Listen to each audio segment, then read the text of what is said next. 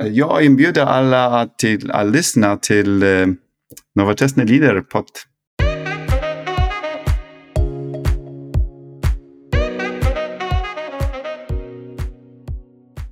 Dzień dobry, witam Was serdecznie w najnowszym podcaście Nowoczesny Lider. Dzisiaj moim gościem jest Marcin Florian, Tribe Lead w Spotify. Cześć Marcinie. Cześć, witaj.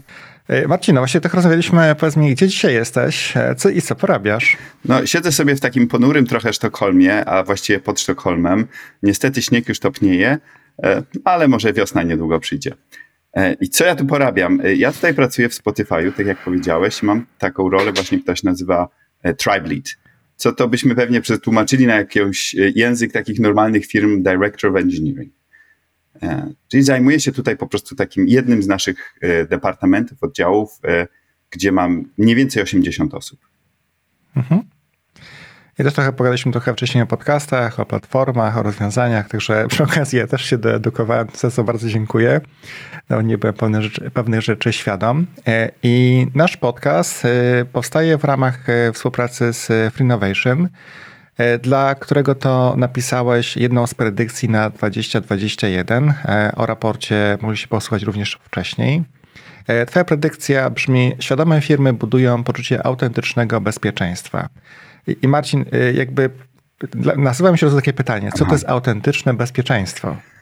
No, bardzo dobre pytanie. To jest, myślę, taka próba przetłumaczenia takiego zwrotu z języka angielskiego, który tak naprawdę jeszcze w żaden sposób chyba się nie utrwalił po polsku. E, po angielsku to się nazywa psychological safety e, i to jest taki zwrot, który został stworzony przez Amy Edmondson, naukowca ze Stanów. E, natomiast dla mnie takie tłumaczenie go bezpośrednio jako takie bezpieczeństwo psychologiczne jest może nie do końca trafiony, bo to nie chodzi tutaj o y, naukę psychologii, czy o to, żebyśmy byli psychologami, ale o to, żeby właśnie wszyscy, którzy pracują z nami w naszych organizacjach, czuli się bezpiecznie. Ja tak mówimy o takim autentycznym poczuciu bezpieczeństwa, czyli żebyśmy rzeczywiście mogli się rozluźnić, zrelaksować e, i być sobą prawdziwie. Czyli to chodzi o to, ta autentyczność dla mnie to jest ta autentyczność w tym, kim my jesteśmy. Jak autentycznie jesteśmy w stanie wyrazić siebie jako ludzi. Też nawiązujesz do różnych e, też technologicznych firm, jak Twitter, Microsoft e, mhm. w swojej predykcji. E, czy myślisz, że firmy technologiczne są w ogóle takim innowatorem w tym zakresie? Czy widzisz może, że ta, to bezpieczeństwo budują firmy bez względu na to, przynależność do sektora? Um, ja o tym myślę w ten sposób, że znaczy to, to jest coś, to poczucie bezpieczeństwa, o którym mówi się w wielu branżach. Absolutnie. I w ogóle te badania, e, do których się odniosłem, e, wspomniałem Amy Edmondson, ona zaczęła w szpitalach i ona zaczęła w lotnictwie. E, w takich sytuacjach, gdzie no jest, są to sytuacje krytyczne, gdzie chodzi o życie ludzkie.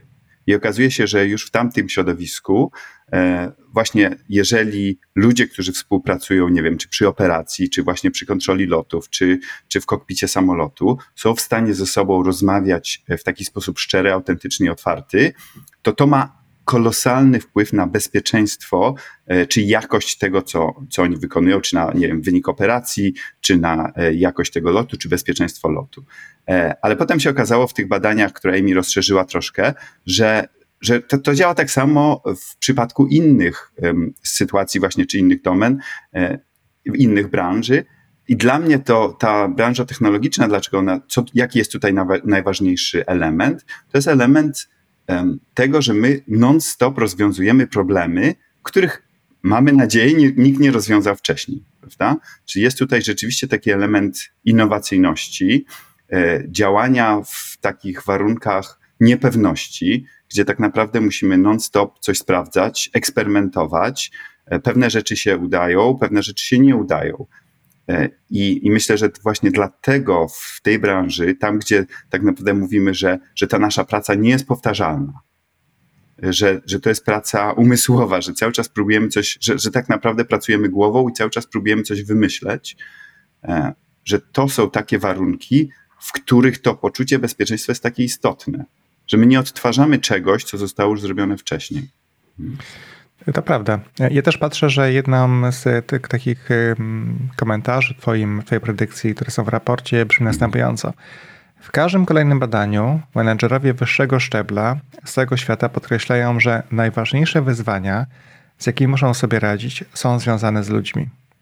E, no to znaczy ogólnie rzecz biorąc, myślę, że bez względu na firmę, w której pracujemy, to jest, jak zresztą mówię, pracujemy w biznesie ludzkim, ponieważ mamy ludzi głównie.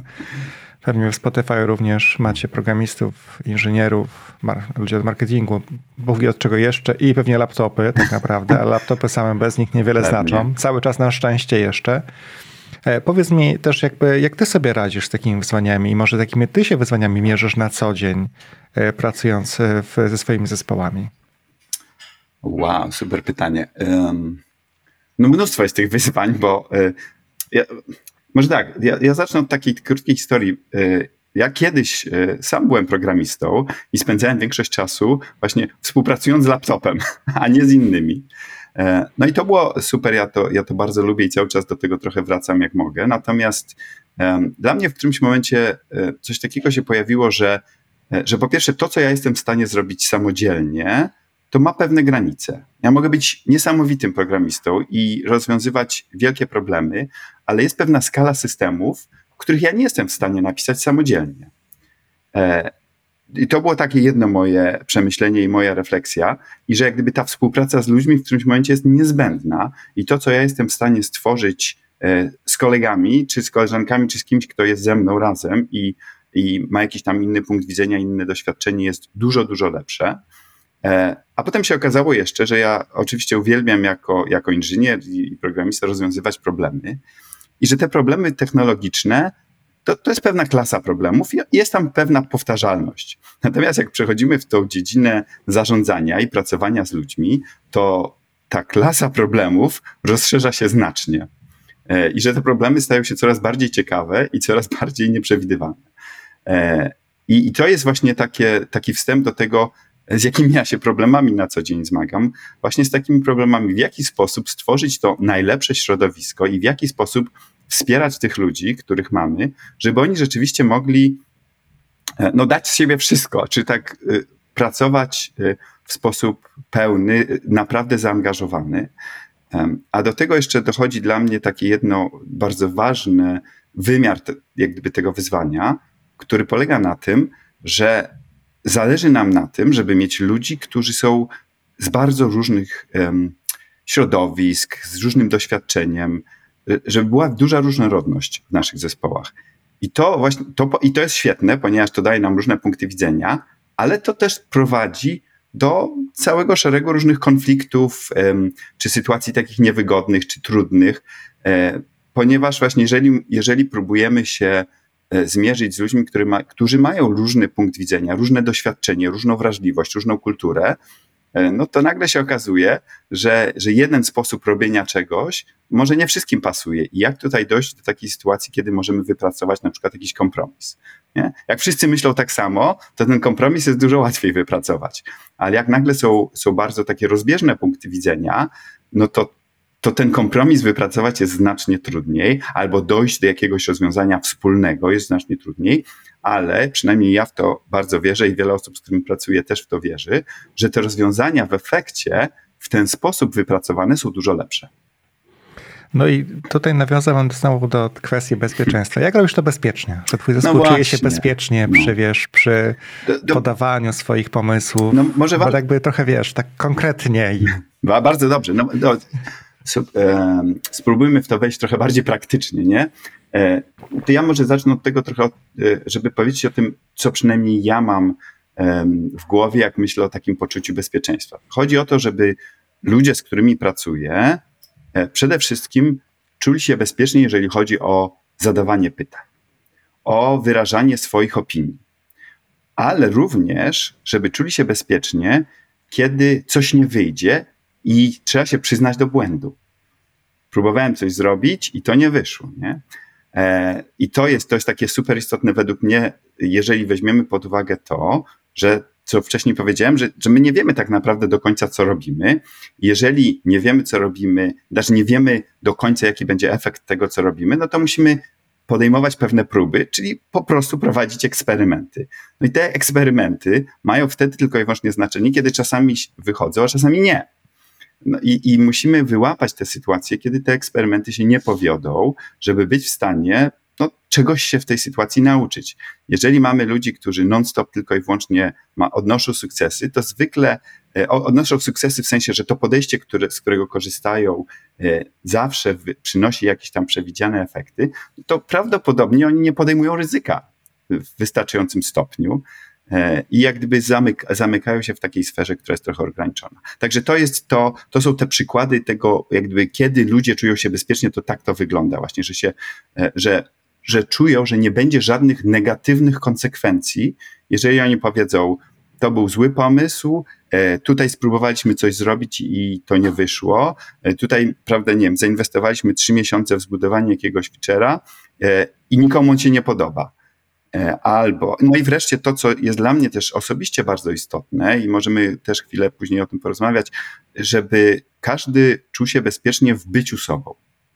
W, w jak gdyby w pokazaniu siebie jako osoby w pełni ze wszystkimi swoimi preferencjami, nie wiem, jakimiś tam rzeczami, które lubimy, rzeczami, których, których nie lubimy, e, tego, jak się ubieramy, tego, co lubimy w życiu prywatnym i, i zawodowym. Także to, są, to, jest, to jest to, w jaki sposób ja widzę to poczucie bezpieczeństwa. No i teraz co, co zrobić, e, jakby, czy jak, jak ja próbuję ludziom pomóc, żeby się czuli w ten sposób. I dla mnie pierwszym takim najważniejszym e, krokiem to jest krok taki, w którym ja staram się jak gdyby modelować wiele z tych zachowań. Czyli na przykład jako, jako dyrektor swojego departamentu e, staram się dość regularnie e, rozmawiać z ludźmi o tym, jakie ja błędy popełniam. Co mi nie wyszło ostatnio, co próbowałem zrobić, E, i, i nie wyszło tak, jak chciałem, żeby wyszło. Albo e, nie wiem, na przykład jak, jak się czuję, w jaki sposób, e, nie wiem, jak przychodzę do pracy jednego dnia i właśnie, nie wiem, spędziliśmy z Małgosią 20 minut, żeby wyprawić dzieci do szkoły i ciągle coś nie wychodziło. Ja jestem trochę podminowany, już chciałbym, żeby ten dzień się w ogóle skończył. No to czy ja jestem w stanie o tym powiedzieć innym, żeby oni zrozumieli, że ja wcale nie jestem wściekły na to, że oni coś źle zrobili, tylko jestem wściekły, bo śniadanie za długo trwało w domu, nie? E, no takie różne trywialne rzeczy, ale takie rzeczy, które, w których ja potrafię pokazać, e, co czuję, kim jestem, jak myślę. E, i wtedy to, przynajmniej w moim odczuciu, jak gdyby powoduje, że, że, że ci ludzie dookoła mnie się też czują trochę bardziej bezpiecznie. To jest tak, takie, według mnie to jest najważniejsze, zwłaszcza z pozycji kogoś, kto ma, kto ma jakąś tam pozycję, kto jest liderem, menadżerem, ma, ma jakiś rodzaj władzy. No ale dla mnie też, co jest super istotne, jest to, żeby pomagać ludziom dookoła mnie żeby zabierali głos, nie? żeby każdemu udzielać głos w jakiś sposób. Chodźcie. No, mamy tutaj towarzystwo, które hałasuje trochę z tym. Właśnie mamy towarzystwo kota w tle. Tak. Um, no i, i takie właśnie poczucie, e, czyli w jaki sposób na przykład jak jestem na spotkaniu i jest tam pięć osób czy osiem, to jak ja zwracam uwagę, czy e, kto ile mówi, nie? I jak długo. E, kto, kto zabiera mhm. głos. Jeżeli ktoś nie zabiera głos, to, to w jaki sposób stworzyć taki moment, żeby spytać kogoś, um, nie wiem, na przykład, nie wiem, Tom, a co ty myślisz na ten temat, nie? Albo e, pomyśleć o tym, w jaki sposób ludzie, jaką mają preferencję do wyrażania się i na przykład, jeżeli czasami o czymś mówimy, to może niektórzy pod, e, uwielbiają przemyśleć rzecz na gorąco i od razu o tym mówić, a niektórzy potrzebują, żeby się zatrzymać na pięć minut, zapisać sobie coś i dopiero o tym coś powiedzieć. Że jak w jaki sposób stworzyć na przykład na spotkaniu taką przestrzeń, żebyśmy mogli powiedzieć, ok, to teraz mamy pięć minut, żeby każdy sobie mógł przemyśleć o tym, co za chwilę, o to, o czym za chwilę będziemy rozmawiać, nie wiem, zrobić sobie jakieś notatki i dopiero wtedy zaczniemy o tym rozmawiać. Myślę też, że to, co poruszyłeś, to jest też kwestia autentyczności, prawda? Tak. Czyli ty jako, jako lider, jako, mhm. jako, nie wiem, jak to nazwać, y, wiodący swój zespół, bo dzisiaj trudno powiedzieć do końca, jakie są nasze role, w szczególności Zgadza w tym się. bardzo mocno rozproszonym środowisku. E, to jest też bardzo ciekawa właśnie zmiana kierunku w tym, jak liderzy chyba e, muszą się dzisiaj przygotować do, do pracy w takim nowym środowisku. Właśnie, a powiedz mi, czy ty widzisz jakąś zmianę w tym, że no niestety w, w pandemii większość nas pracuje z domach, jeśli nie wszyscy tak naprawdę. Mhm. I czy, czy widzisz jakąś zmianę w, swo, w swoim postępowaniu, w myśleniu o tym, jak pracujesz z ludźmi? Czy dla ciebie to jest taki normal, normal? Nie, no absolutnie. Znaczy, dla nikogo to chyba nie jest sytuacja normalna i, i dla mnie też nie jest normalna. E, I tutaj podejście jest według mnie musi być zupełnie inne. Ja takim moim pierwszym przemyśleniem i, i, i takim doświadczeniem właśnie w tych, w tych warunkach pandemii, tych warunkach, kiedy wszyscy żeśmy zostali rozproszeni po domach, jest to, jak ważne, niestety, no i to trochę było, czyli tak, jak ważne było to, co zrobiliśmy wcześniej. Jak ważne były e, te relacje, które byliśmy w stanie między sobą wypracować, w sytuacji, kiedy było to dużo prostsze, kiedy byliśmy właśnie w tym samym pomieszczeniu, spędzaliśmy ze sobą dużo czasu, e, nie wiem, pracowaliśmy tak samo nad projektami, jak i pracowali, jak i spotkaliśmy się na kawę, czy chodziliśmy razem na lunch, prawda? Więc to jest, to, to była taka pierwsza refleksja, że, że zawsze jest warto e, inwestować w te relacje, które mamy z ludźmi, ponieważ właśnie nigdy nie wiemy, trudno jest przewidzieć, kiedy, kiedy tak naprawdę taka już dobrze wypracowana relacja zaprocentuje. E, natomiast e, no, oczywiście tutaj znaleźliśmy się w sytuacji, która dla wszystkich jest niesamowicie stresująca. E, I, i w związku z tym taki, takie pierwsze podejście, które myślę, że, że ja miałem, ale też no, wszyscy dookoła mnie, to było takie, żeby się skupić na tym, żeby wesprzeć wszystkich dookoła siebie. Jak się możemy nawzajem wesprzeć w tej sytuacji, żeby stworzyć właśnie takie poczucie, że no nie normalności, ale poczucie, że, że w tych, że właśnie e, rozpoznajemy, że te warunki nie są normalne i że w związku z tym możemy dostosować zarówno swoje oczekiwania, prawda, jak i swoje zachowania, jak i swój sposób pracy do tych warunków.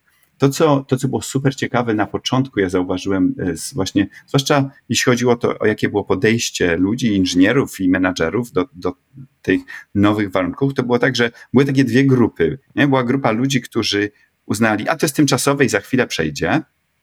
E, i starali się dalej funkcjonować tak, jak funkcjonowali do tej pory. I była taka grupa ludzi, którzy stwierdzili, no nie, to są zupełnie nowe warunki, musimy znaleźć nowy sposób, nowe podejście. I jakby balans między tymi dwoma grupami się wyraźnie przesuwał i dopiero w momencie, kiedy znaleźliśmy taką, e, jakby taką masę krytyczną, gdzie wystarczająca duża liczba osób uznała, że faktycznie warto jest zainwestować w to, żeby znaleźć nowy sposób funkcjonowania, no to to, to zaczęło e, działać trochę lepiej. No to, to, to są nie, rzeczy trywialne, nie takie jak jakie krzesełko sobie kupię do, do domu, jakie mam biurko i jakie mam oświetlenie w miejscu pracy.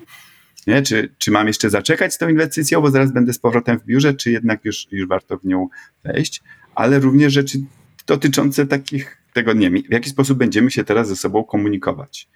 E, no więc to, co my żeśmy na przykład zrobili, no to zaczęliśmy spędzać więcej czasu, żeby w ogóle zrewidować to nasze podejście do pracy i sposób właśnie, nie wiem, wymiany informacji, komunikowania się, prowadzenia spotkań, czy on nadal funkcjonuje, czy on się nadal nadaje do tych nowych warunków, czy nie. E, także mnóstwo rzeczy w ten sposób e, no, zaczęliśmy powoli zmieniać. Natomiast, tak jak powiem jeszcze raz, to, żeby nam to nie umknęło, było super istotne, żeby określić nasze oczekiwania na początku i że na przykład nasze wymagania co do tego, co będziemy w stanie stworzyć i wyprodukować w, tych, w tej nowej sytuacji, są dużo, dużo niższe, prawda? Żeby ludzie zrozumieli, że to nie jest tak, że, że my ich teraz wszystkich wysyłamy do domu, ale oni nadal muszą dostarczyć dokładnie to samo, co dostarczali wcześniej. Tylko, że jest pełne zrozumienie tego, że ta sytuacja jest trudna i wymagająca i oczekiwanie tego samego poziomu właśnie efektywności czy pracowitości no jest absurdalne zupełnie. Zajrzyj koniecznie na blog nowoczesnylider.pl, gdzie znajdują się dodatkowe materiały dotyczące tego podcastu.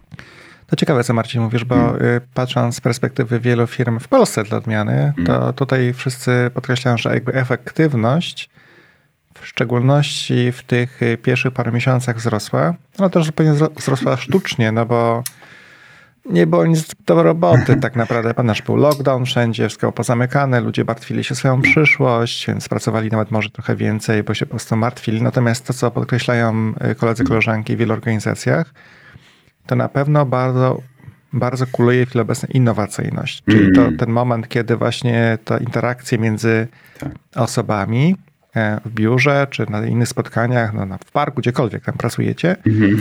dawało jednak nowe pomysły i teraz jest to tak. dużo trudniejsze, wiesz? Tak, absolutnie.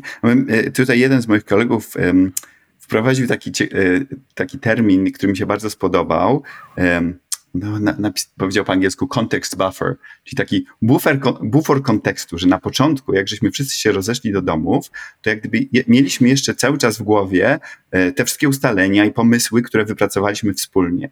I, I, ja myślę, że my też żeśmy zauważyli coś takiego, tak jak mówisz, że na początku był też wzrost tej, tej e, jakiejś tam wydajności w jakiś sposób, który według mnie był związany z tym, że po prostu ludzie e, stracili cały szereg um, rzeczy, które ich rozpraszały w biurze. Jest mniej spotkań, mniej dyskusji, um, mniej spotkań przy kawie i na początku łatwiej było ludziom się skupić na wykonaniu czy dokończeniu tych zadań, które już były ustalone wcześniej. Natomiast w którymś momencie to się skończyło. No i teraz, tak jak mówisz, właśnie to, to dotyczy zarówno innowacyjności, jak i w ogóle wypracowywania nowych rzeczy. Teraz znowu musimy w jakiś sposób przyjść, spotkać się razem i stworzyć tą przestrzeń, w, w której możemy się wymieniać tymi pomysłami i właśnie uzupełnić ten bufor e, nowymi danymi, żeby móc je potem przetwarzać. A powiedz mi jeszcze, Marcinie, czy w waszym przypadku, w waszej firmie, czy wy również w jakiś sposób mierzycie mm, poziom poczucia bezpieczeństwa pracowników? U, czy ogólnie takiego dobrostanu, pewnie. jak oni się czują? Super. E, absolutnie tak. To znaczy, na wiele sposobów. Oczywiście to, to, jest coś takiego, co bardzo jest trudno, nie wiem, ująć jakąś liczbę, nie? E, czy zmierzyć w sposób taki bardzo naukowy. W związku z tym no, próbujemy różnych innych sposobów na to. Jednym z tak, znaczy taki najbardziej praktyczny sposób to jest to, e, jak, jak obserwowanie tego, jak ludzie wchodzą w interakcje, jak ze sobą działają. I tak gdyby tutaj menadżerowie mają duże pole do popisu, bo mogą zobaczyć po prostu jak, na, na przykład, jak dużo ludzie ze sobą współpracują. Prawda? Czy na przykład, jeżeli mają jakieś zadania, to czy próbują je wykonać indywidualnie, czy próbują je wykonać wspólnie z kimś innym. My korzystamy z różnych takich narzędzi też, które w jakiś sposób nam e, pokazują, co ludzie myślą, co, co ludzie czują. Y, nie wiem, y, czy słyszałeś, Sebastianie, o takim narzędziu, które się nazywa Office Vibe, ale jestem przekonany, że jest to jedno z tysięcy narzędzi. I ono po prostu wysyła do każdego co tydzień taką bardzo krótką ankietę, nie wiem, cztery pytania, na które się y, odpowiada w ciągu pięciu minut. I jak gdyby to jest też pewne źródło takich informacji dla nas. E, właśnie te, te, pytania dotyczą, nie wiem, tego, jakie są relacje między ludźmi, czy jak się człowiek czuje bezpiecznie, czy jak się czuje, czy, czy jest w stanie, nie wiem, właśnie dzielić się pomysłami, czy uzyskać pomoc. To narzędzie też dla nas ma takie bardzo pozytywną funkcję, która pozwala na też e, przekazanie pewnych przemyśleń w sposób anonimowy, ale Y, które można potem rozwinąć w jakąś dyskusję dalej i wrócić do tej osoby i powiedzieć, o okej, okay, to tutaj widzisz, że to nie funkcjonuje. E, my zwykle próbujemy oczywiście przejść jak najszybciej z takiej dyskusji anonimowej do dyskusji e, bardziej osobistej, naj, najlepiej e, twarzą w twarz. Ale też to, co od czasu do czasu robimy i to, co tak naprawdę w ogóle z czym zaczęliśmy, jak, jak ja w, swoim, w swoich zespołach zacząłem jakby pracować tą, z tym poczuciem bezpieczeństwa, to po prostu zrobiliśmy ankietę i zadaliśmy, ludzi, zadaliśmy ludziom cały szereg pytań wprost. E, zresztą skorzystaliśmy tu z istniejącej ankiety, którą Google opracował e, w ramach takiej platformy czy takiej strony, którą oni prowadzą, która się nazywa Rework. Tam jest e, między innymi właśnie taka ankieta do badania poczucia bezpieczeństwa.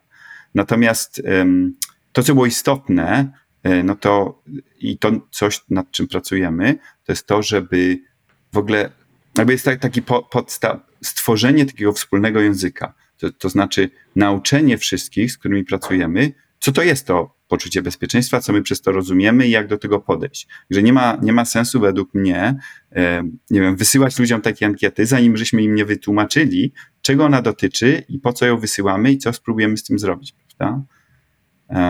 I tak na przykład w tej chwili, za każdym razem, jak nowa osoba jakaś przychodzi do zespołu, no to, to taka rozmowa Y, o tym poczuciu bezpieczeństwa i takie mm, podanie pewnego zestawu oczekiwań, które mamy w stosunku do siebie, e, właśnie na przykład to, że każdy jest w stanie zabrać głos, że słuchamy, że sobie nie przerywamy i tysiące innych rzeczy. Jakby ustalenie takich oczekiwań w stosunku do siebie z nowymi osobami, które wchodzą do zespołu, e, też pozwala jakby kontynuować utrzymanie takiego poziomu zrozumienia wśród wszystkich, że to jest coś, co jest istotne, że to jest coś, o czym rozmawiamy i nad czym próbujemy pracować, bo tak naprawdę, i to, to jest też takie moje doświadczenie, już pracując z tym przez pewien czas, e, stworzenie poziomu bezpieczeństwa dla ludzi to nie jest coś, co możemy zrobić raz. Nie? To nie jest program zmiany, który możemy wprowadzić i zakończyć.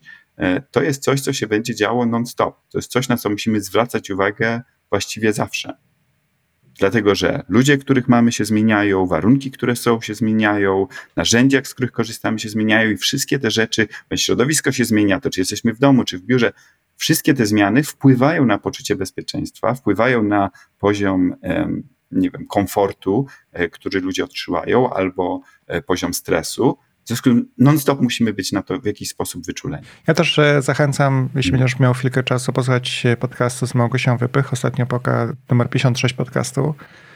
Ona właśnie mówi o dobrostanie takim pracowników i mhm. to jest, podaje kilka ciekawych przykładów ogólnie jak niektóre firmy, firmy radzą sobie e, bardzo prosty sposób, żeby ten dobrostan podnieść. To nie wymaga często olbrzymiej wiedzy psychologicznej ale też podaję kilka takich martwiących statystyk, ile już osób statystycznie i to bez względu na narodowość przechodzi przez jakieś załamanie tak. nerwowe. Nie, no bo to nie jest normalna sytuacja. Także Absolutnie. E, temat e, niełatwy, muszę powiedzieć, też trudno mi się było e, do niego mm. zabrać, ale w końcu się przekonałem, no bo każdy trochę się tego tematu odrobinkę boi, bo nie jest psychologiem tak naprawdę.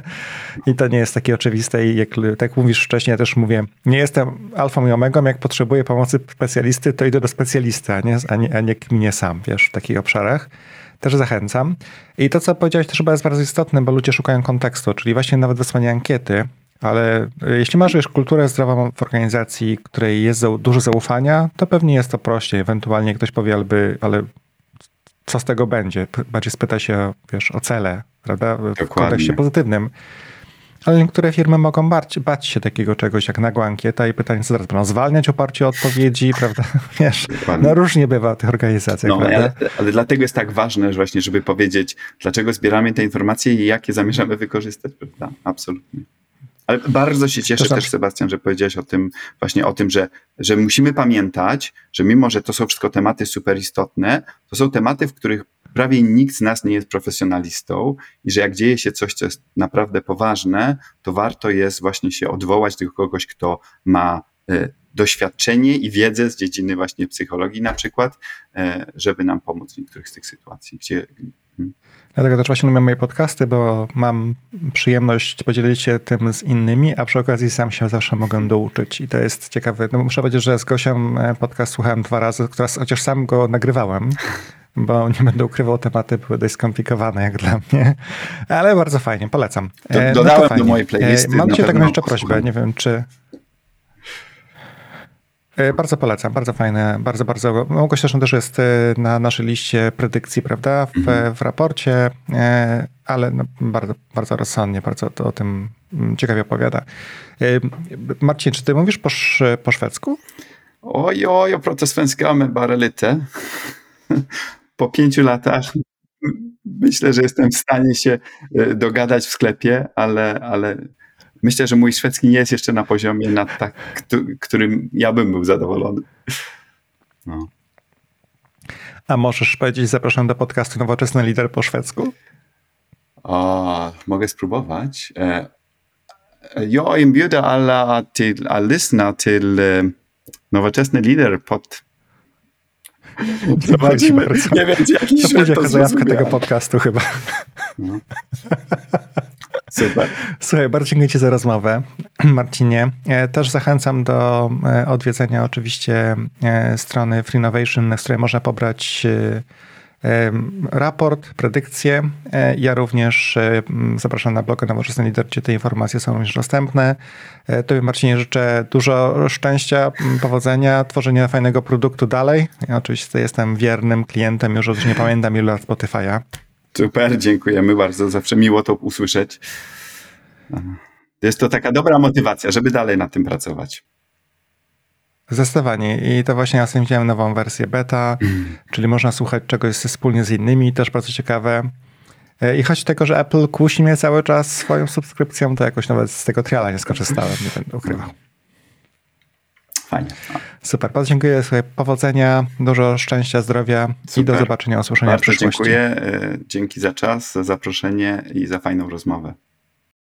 Dziękuję serdecznie za wysłuchanie tego podcastu.